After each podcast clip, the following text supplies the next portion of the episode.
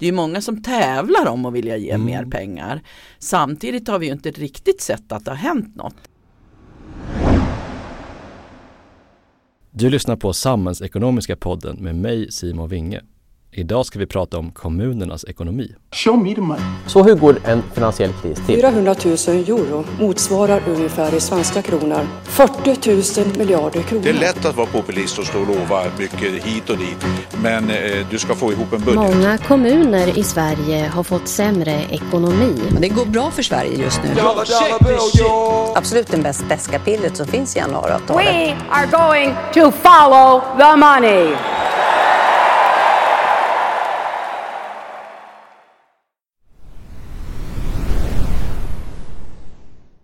Hej ekonom! Du vet väl om att Akademikerförbundet SSR är yrkesförbundet för dig som är ekonom? Bli medlem och få trygghet i form av inkomstförsäkring, rådgivning och förhandlingshjälp. Dessutom kan du boka våra fritidshus om du vill få en paus från räkenskaperna. Vill du veta mer om medlemskapet? Ring oss på 08-617 44 00. Vi hörs!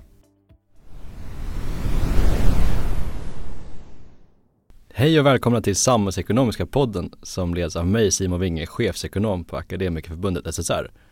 Vår gäst idag är en annan chefsekonom på SKR, Sveriges kommuner och regioner, Annika Wallenskog. Välkommen hit! Tack så mycket. Jag tänkte att vi kastar oss rakt in i de heta potatisarna. Ni företräder ju Sveriges 290 kommuner och 21 regioner eh, och sista månaderna har ju larmen om för lite pengar till kommunerna och regionerna avlöst varandra. Så om man börjar med att fråga dig, hur ser det egentligen ut?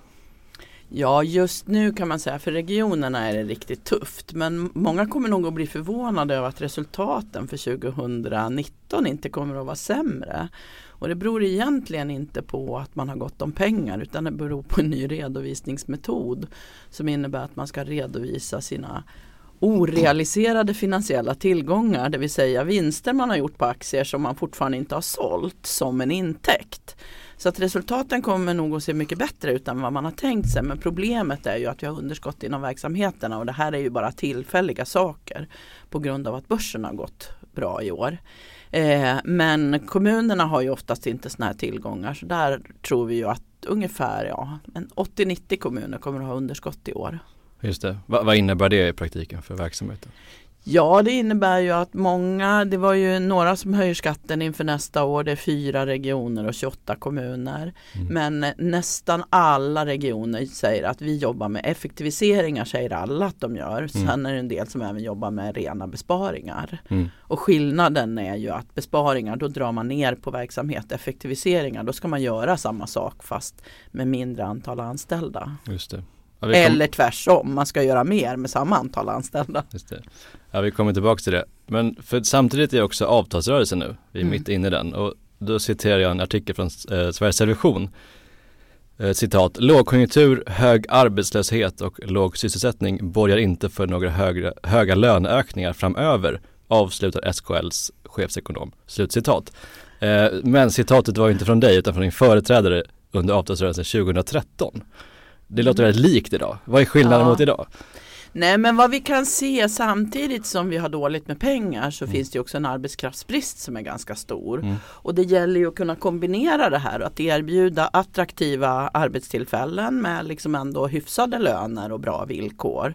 Samtidigt som kommunerna har dåligt med pengar och då är ju Sättet att komma till rätta med det, det är ju att kunna effektivisera på olika sätt så att man har råd att betala de löner man behöver. Men normalt sett så är det ju så att vi inom SKR tycker ju att man ska följa märket, att det är det man utgår ifrån. Mm.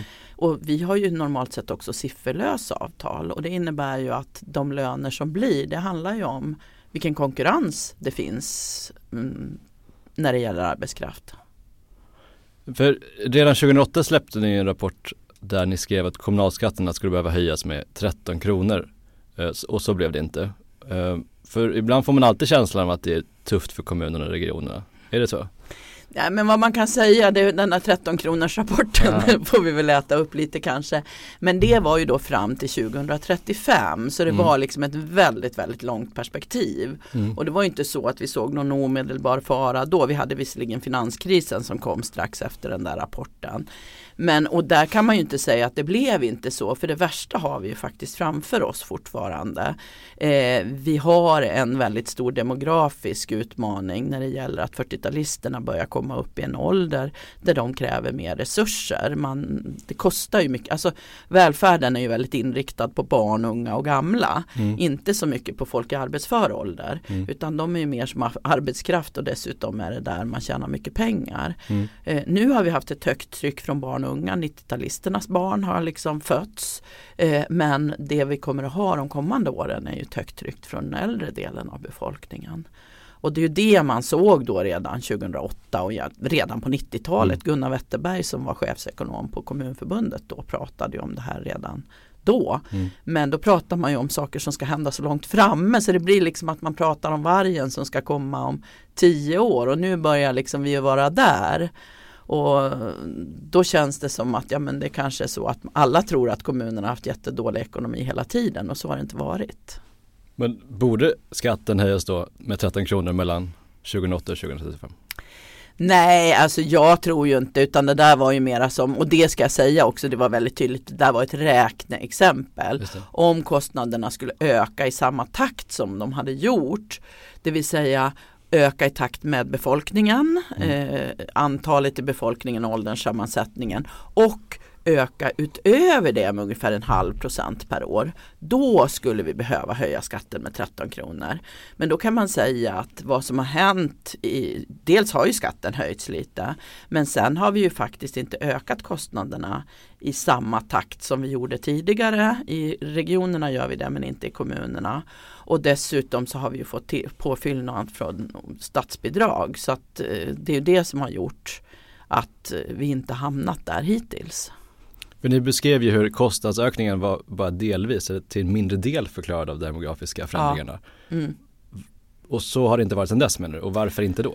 Ja det kan man säga, det har varit det i regionerna men kommunerna har man inte ökat äh, kostnaderna i exakt samma takt som demografin. Och jag tror att det egentligen beror på att när man får en väldigt snabb ökning av demografin, vilket vi har fått då på grund av att mm. dels har det fötts många barn och sen har vi haft ett stort flyktingmottagande. Mm. Då kan man effektivisera lite grann. Det blir liksom, man har en del fasta kostnader som, som redan ligger fast och då behöver man inte öka kostnadsmassan så mycket. Så man kan fylla på med nå ett par elever till i klassrummen till exempel utan att behöva liksom ha en helt ny klass och så. Och det kan vi se när vi har stora befolkningsökningar. Då har vi liksom lyckats hålla igen lite grann.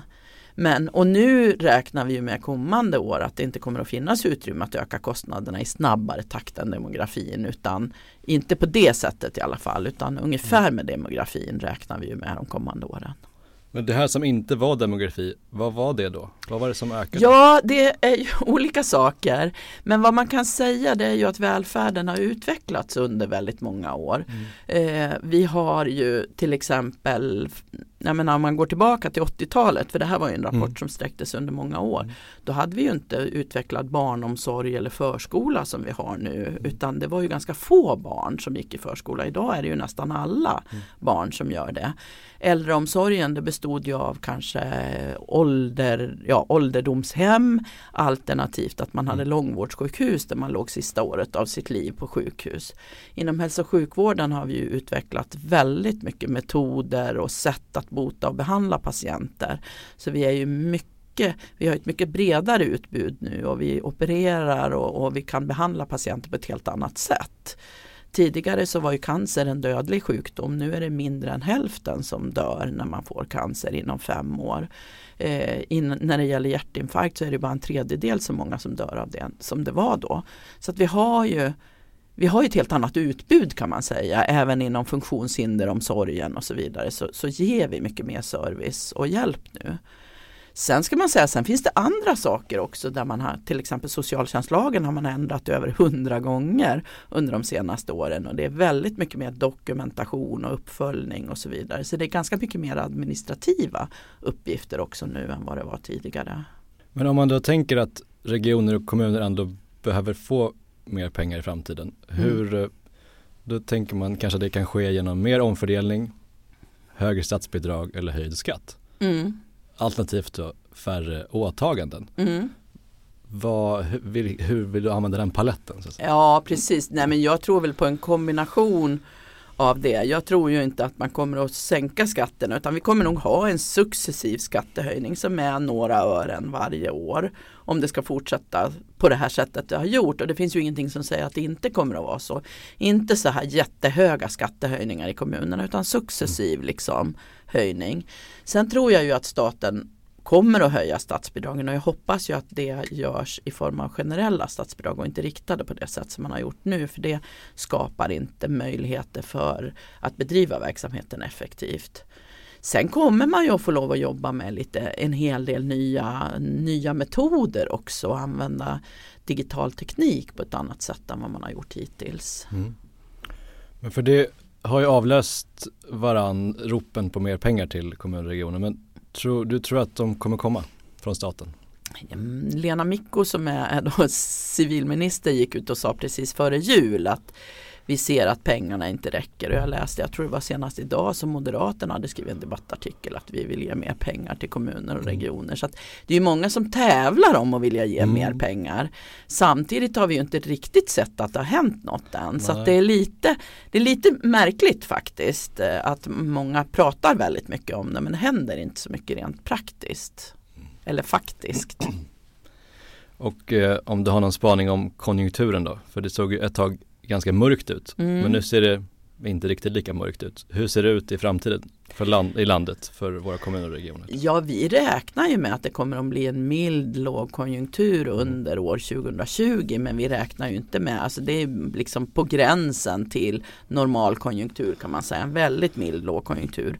Och sen att vi liksom återhämtar konjunkturen på lite sikt. Så vi räknar ju inte med någon sån här plötsligt fall i ekonomin utan att det går mm. ganska trögt men ingenting mer egentligen. Men sen beror det ju väldigt mycket på vad som händer i världen. Man får ju lite oroande signaler nu om USA och Iran och så vidare och vi mm. vet ju inte heller exakt effekterna av Brexit heller. Så mm. finns mycket, som, mycket på nedåtsidan skulle man kunna säga men, men vi tar inte ut det utan vi tror att det blir den här lite knaggliga resan som vi har varit inne på under några år. Vi ska också gräva lite mer i statsbidragen. För du pratar ju om fler generella statsbidrag och färre riktade och mm. det verkar alla vara överens om. Ja. Jag har poddat senast här med socialminister eh, Lena Hallengren och oppositionsfinanspolitiska eh, talespersonen Elisabeth Svantesson. Mm. Eh, och båda verkar också tycka det här. De säger att det ska vara färre riktade och fler generella. Och du är väldigt tydlig, du har också sagt att det är förgiftade gåvor vid något mm. tillfälle. Men läpparnas bekännelse är en sak. Varför får vi se fler riktade och färre generella ändå? Ja, det där kan man ju fundera på men jag tror att det handlar väldigt mycket om dagspolitik skulle man kunna säga.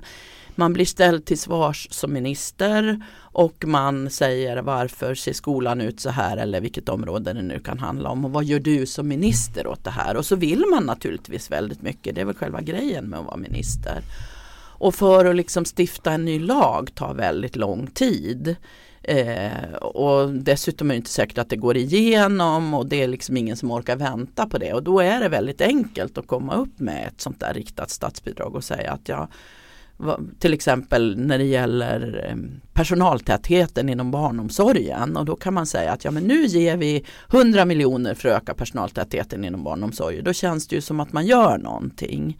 Samtidigt så vet ju alla att de där pengarna räcker ju inte egentligen för att alla kommuner skulle öka personaltätheten. Mm. Men förväntningarna blir ju då på kommunerna att nu mm. ska ni ju fixa det här för att ni har ju faktiskt fått pengar från staten. Och det är väldigt svårt att omsätta hur mycket 100 miljoner är eh, ute i 290 kommuner. Men, men det är klart att det hjälper ju inte fullt ut men förväntningarna ökar och en minister kan känna att de har gjort något. Mm. Men kan man hjälpa dem på något sätt då? De här stackars ministrarna som vill visa att de gör något? Ja, vad vi diskuterar nu, vi kommer att ha överläggningar eh, redan nästa vecka med Finansdepartementet. Mm. Det är ju att vi skulle kunna göra någon sorts långsiktiga överenskommelser. Vad är det vi vill på lång sikt? Mm. Och nå liksom vilka faktiska mål är det vi vill åstadkomma och fokusera på några mål som kanske handlar om kvalitet eller tillgänglighet till exempel.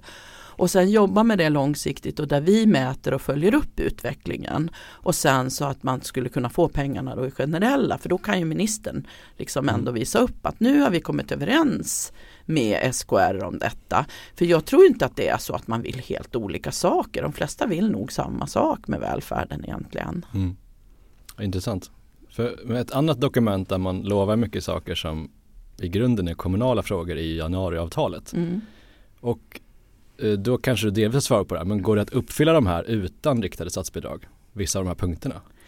Ja, eh, jag menar jag har inte sett riktigt att rikta, det har ju både Riksrevisionen och Statskontoret har ju följt upp de här riktade statsbidragen. Och de har ju inte åstadkommit alla de här sakerna åtminstone utan det är ju andra saker som måste göra att man samlas kring en fråga. Så att jag tror nog inte att riktade statsbidrag är lösningen. Sen är det inte säkert att man kommer uppfylla sakerna ändå med tanke på också de ekonomiska förutsättningarna och bristen på personal.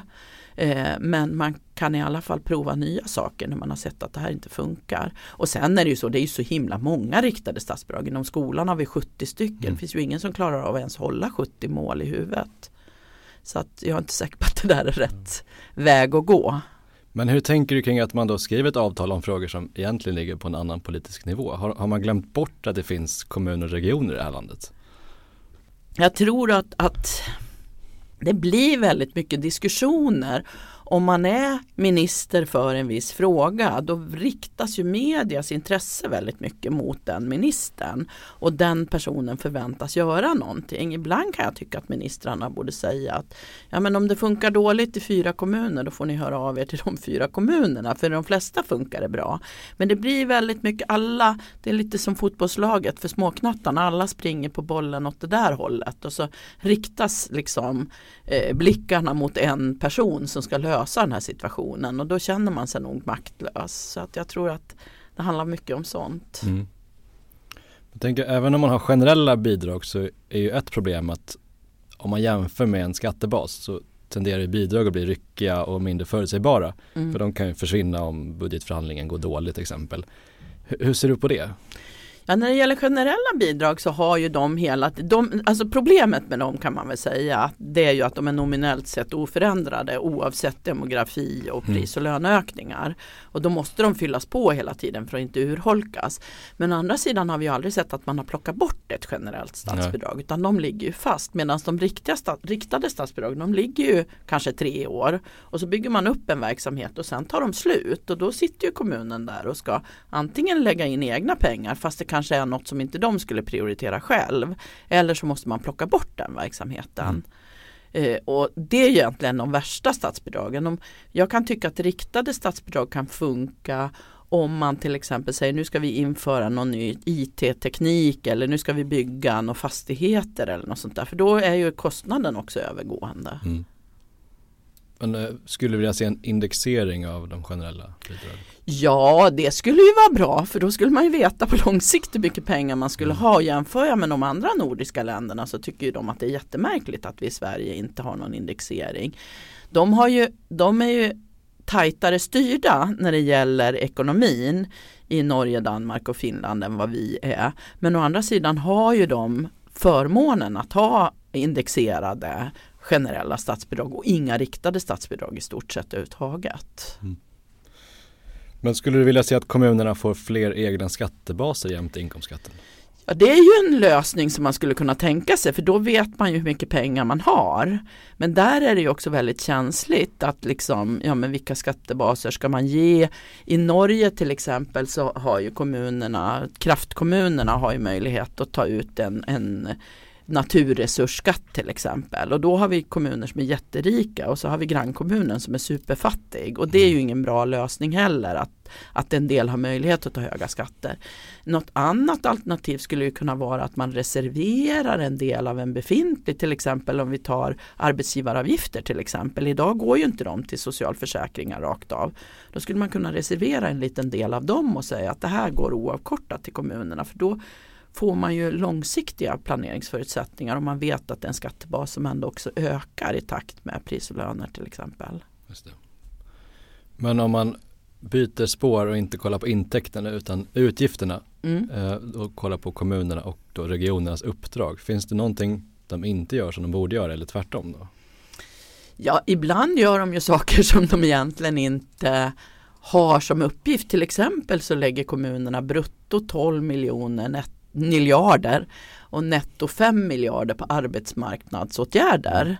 Eh, det är ju egentligen en statlig uppgift men kommunerna gör det ju därför att de vill förhindra ett utanförskap och man, man ser ju att om vi inte gör det här så kommer ett antal personer behöva leva på bidrag istället. Jag kan tycka att de borde göra det men de borde få betalt för det. Speciellt om, i, i ljuset av att Arbetsförmedlingen nu lägger ner och bara ska ha kontor på 70 ställen och dra ner även på sina arbetsmarknadsåtgärder. Så kan man tycka att kommunerna då borde erbjudas att göra det här jobbet ifall de vill vara med liksom och mm. lämna anbud eller någonting sånt där. För det ligger ju i kommunernas intresse att ha en låg arbetslöshet. Mm. Det tjänar de ju på både när det gäller skatteintäkter men även att få färre personer lever på bidrag. Och det kan man ju också säga, lever man på ekonomiskt bistånd då, då, skapar ju det familjer som gör det, det skapar ett utanförskap och högre kriminalitet och så vidare.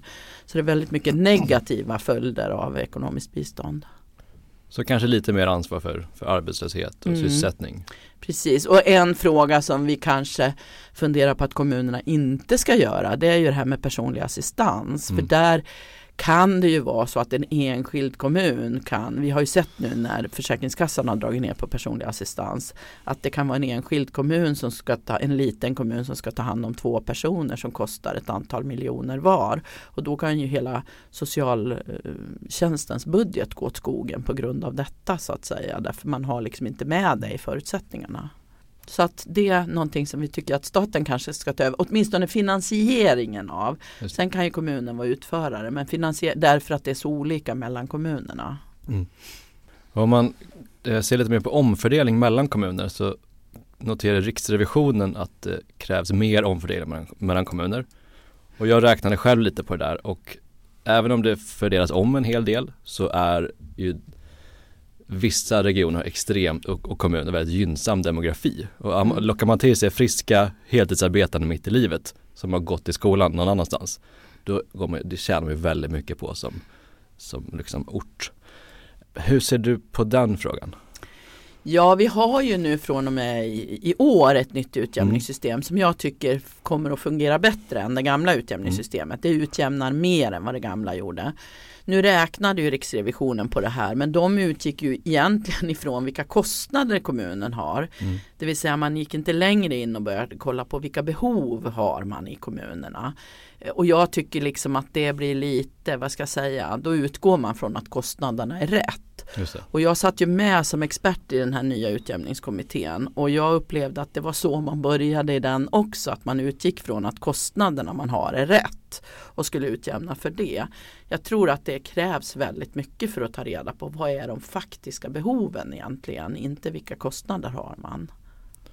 För ni avstyrkte väl förslaget som nu trädde i kraft? Nej, vi sa att det var mycket som var rimligt och bra i det ja. förslaget. Men vi sa att man bör titta, inte bara över kostnadsutjämningen ja, utan man behöver mm. titta mm. även på inkomstutjämningen och strukturbidraget som är de andra två delarna i utjämningssystemet. Mm. Så att vi, det var några få modeller som vi avstyrkte. Men de har man faktiskt ändrat i nu så att eh, man, gjorde, man utifrån vårt remissvar så ändrade man. Sen tyckte vi att det var för tidigt att införa det från 2020. Mm. Vi tyckte att kommunerna och regionerna skulle ha lite längre tid på sig. Men sen är det ju så med ett utjämningssystem. Det är ju alltid vinnare och förlorare i det där mm. systemet och det är klart att förlorarna är ju inte helt nöjda med det nya systemet. Så att eh, vi står ju alltid när det gäller ett nytt utjämningssystem och vägar och ja. så vidare. Men vi avstyrkte det inte utan vi sa att man borde komplettera med inkomstutjämning och strukturbidrag. Just det, och, men tror du att det krävs ännu mer omfördelning än i det nuvarande som trädde i kraft då för en vecka sedan? Alltså det är svårt att säga tycker jag för det handlar ju även om, man kan inte bara titta på kostnadsutjämningen utan vi ser ju att det finns ett strukturbidrag som går mm. till väldigt många. Mm. kommun, kommun, regioner som är små och även kommuner beroende på hur det såg ut, vilken arbetslöshet de hade 1998 och så vidare. Mm. Så jag tycker att man borde ha tagit med de pengarna och lagt in i kostnadsutjämningen och kanske se lite bredare på det. Eh, men det är svårt att säga egentligen om det ska vara ännu längre långtgående utjämning. Jag, jag, mm. Det tycker jag man måste, då måste man liksom titta på för det är ju så när man tittar på ett utjämningssystem då tittar man ju på variablerna, inte mm. hur det slår. Det blir ju sen när man är färdig med alltihopa som man ser det. Så det handlar ju om, eh, ja, inte vilka som ska vara vinnare och förlorare utan vad är det för, eh, vad är det man ska utjämna för för någonting. Just det. Det, det är väldigt komplext system också. Det, kan det vara ett problem att det är svårt att kanske liksom förklara? Ja, och det var ju ett uppdrag som den här utredningen hade att göra mm. systemet enklare. Mm. Och det gjorde de delvis när de la in alla. Förut fanns det egentligen en matrismodell kan man säga med olika verksamhetsområden och sen hade man på andra ledden så hade man kostnad för löner och så vidare. Nu har man lagt in allting i de här delområdena.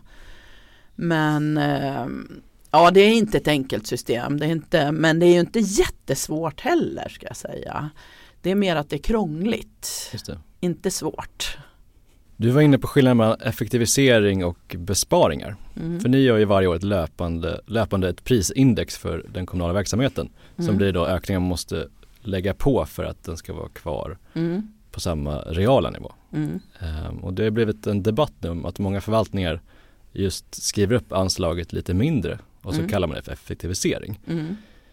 Och så säger man den uteblivna ökningen får man ja, mm. lösa på något sätt. Ja. Men utan någon egentligen kanske plan för det. Hur ser du på det? Ja, jag vet ju att många har jobbat så här alltid. De har, mm. de, och jag tycker att ska man göra det, då ska man inte bara säga att ah, vi räknar bara upp med en procent. Mm. Utan då ska man räkna upp med så mycket som prisindex är. Mm. Och sen ska man säga att det här ska ni effektivisera. Jag tycker att en del effektiviseringar är väl rimligt att man lägger på verksamheten att göra själv. Det vill säga att politikerna inte är in och petar i allting. Mm. Men om det blir för långtgående då tror jag att det är viktigt att det måste upp till politiskt beslut. För då måste man ju prioritera mer mm. mellan olika verksamheter. Och var gränsen går tycker jag är jättesvår. Mm. Men, men jag förstår ju att många gör det. Men det är klart om det hela tiden blir så att man känner att nu, nu, liksom, nu klarar vi inte mer. Mm. Då är det inte rimligt att man fortsätter utan det måste vara på en nivå som man känner att man kan hantera det som chef. Just det.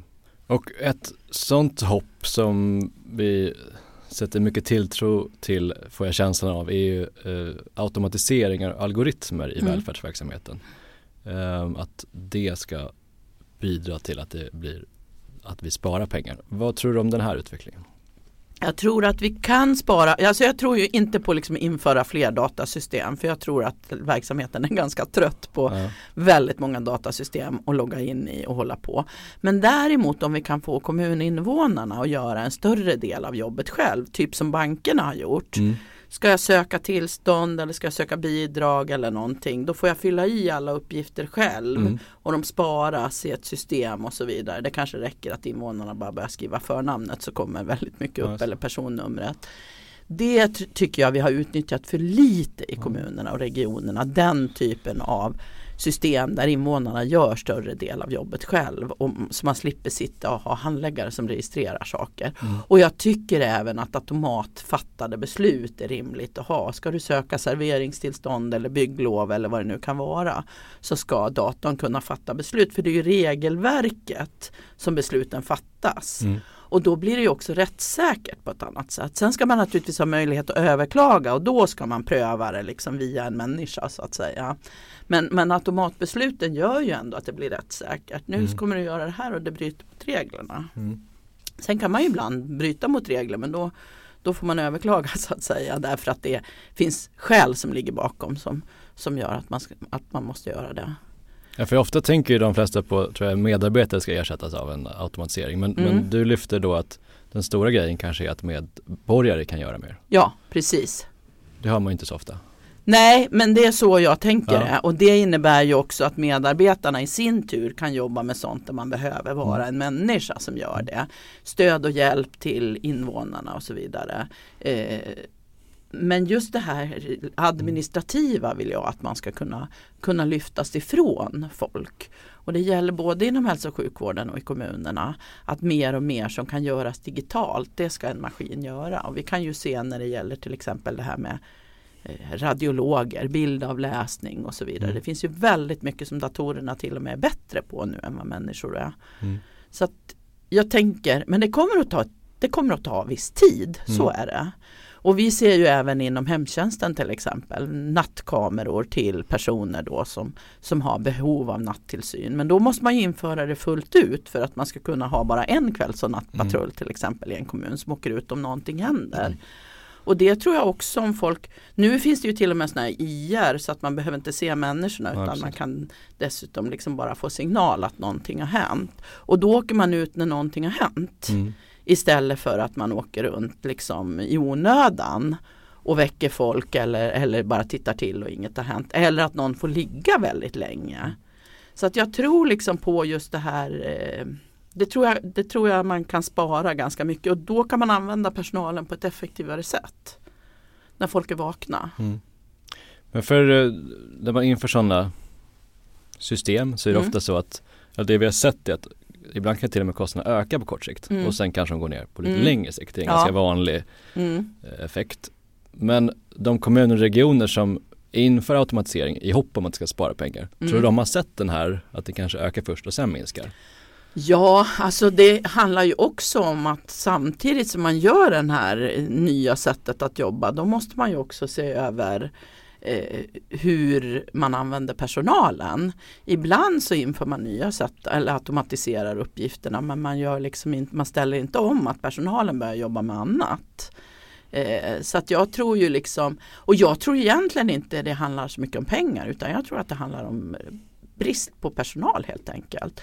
Och jag kan ju, det finns ju många rapporter som visar hur stor andel av tiden en socialsekreterare arbetar med klienter. En väldigt liten del av tiden. Mm. Och jag tänker, har man utbildats inom det området då vill man väl göra det och inte en massa annat. Så allt som kan underlätta arbetet för personalen.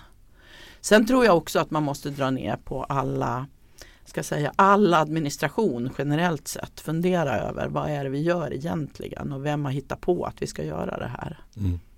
Men hur ser du på frågan om insyn och transparens i de verksamheter som inför automatisering och algoritmer? Ja, där är det ju viktigt att det är liksom sekretessbelagd information och så vidare. Samtidigt så kan jag ju tänka hur mycket har inte Google koll på eller, eller mm. Facebook eller Instagram eller vilka det är. Allt vad vi gör. Där är vi väldigt villiga att lämna ifrån oss information. Eh, jag tror att det här, det måste ju naturligtvis regleras på ett bra sätt. Men samtidigt så kan det inte vara så att kommunen inte kan få tag på journalen som regionen har därför att det finns så mycket sekretess emellan. Vi måste kunna jobba liksom mellan olika men jag tror att det måste vara kanske invånaren som ger tillstånd. Att jag mm. äger min journal, jag äger mina uppgifter och jag har det liksom på ett litet chip i min telefon eller vad det nu kan vara någonstans och, och jag ger tillstånd till att man tittar i det. Men jag, jag, tänker också på det här hur man ska få veta hur en algoritm fungerar. Mm. För med handläggare kan man ju ringa upp och fråga hur, vad bygger du det här beslutet på? Ja. Eller en socialsekreterare. Mm. Men, men hur, hur, ska vi göra det med en, en algoritm? Ja men då finns det ju ett visst regelverk. Nu ska jag söka det här serveringstillståndet och då kan du komma tillbaka direkt. Ja men du har inte uppfyllt det här kravet eller du har inte du, du har inte liksom tillräckligt stor lokal eller vad det nu kan vara. Det kan ju vara alla möjliga saker mm. som det faller på. Så man får den informationen att det beror på det här att jag inte får. För det är ju någonting i regelverket som krockar då med, med den här frågan som jag har ställt. Mm. Och sen måste man naturligtvis ha möjlighet att överklaga och prata med en handläggare. Mm. Men då blir det ju färre fall som de behöver hantera. Mm. Men det, man, ska, man ska i grunden ha samma insyn jag tycker att man måste absolut ha insyn. Man måste ju få veta varför fick jag, om du ska ha hemtjänst till din mamma till exempel. Mm. Mm. Varför blev det inget mm. positivt biståndsbeslut? Ja men då kan det vara liksom att Ja men, men hon är inte tillräckligt sjuk eller vad det nu kan vara för någonting. Eller, mm. det, de här reglerna har vi. Och idag är det ganska uppe eh, till den enskilda kommunen hur man utformar sitt automatiserade system. Mm. Uh, men det är ganska många gemensamma utmaningar. Inom mm. hälsoområdet som du nämnde, då har man ju tagit då har man ju centraliserat en hel del. Mm. Uh, men inte så mycket på kommunen. Mm. Men anser du att det här behövs någon form av statligt stöd och samordning också till kommuner som arbetar med automatisering? Ja, jag är lite förvånad egentligen över att staten inte har tagit grepp om det här på ett, på ett tydligare sätt. Därför att här har vi ju liksom ett gemensamt uppdrag. Och det, en del pratar om kommunalt självstyre. Alltså jag tänker så här, det är ungefär som att säga att vi ska ha kommunalt självstyre om vi ska ha 220 volt eller 110 volt i kontakterna. Här är det inte intressant med kommunalt självstyre utan här handlar det om att vi måste ha system som funkar i alla kommuner. Och alla kommuner måste kunna jacka in i de här systemen. Så att jag är som sagt lite förvånad över att staten inte har tagit större grepp om Tack så mycket. Tack så mycket. Det var min sista fråga. Ja. Och, eh, det var allt från Samhällsekonomiska podden idag. Vi tar oss an de stora samhällsfrågorna med både ekonomisk och facklig utgångspunkt. Samhällsekonomiska podden görs av Akademikerförbundet SSR, Sveriges ledande samhällsvetarförbund.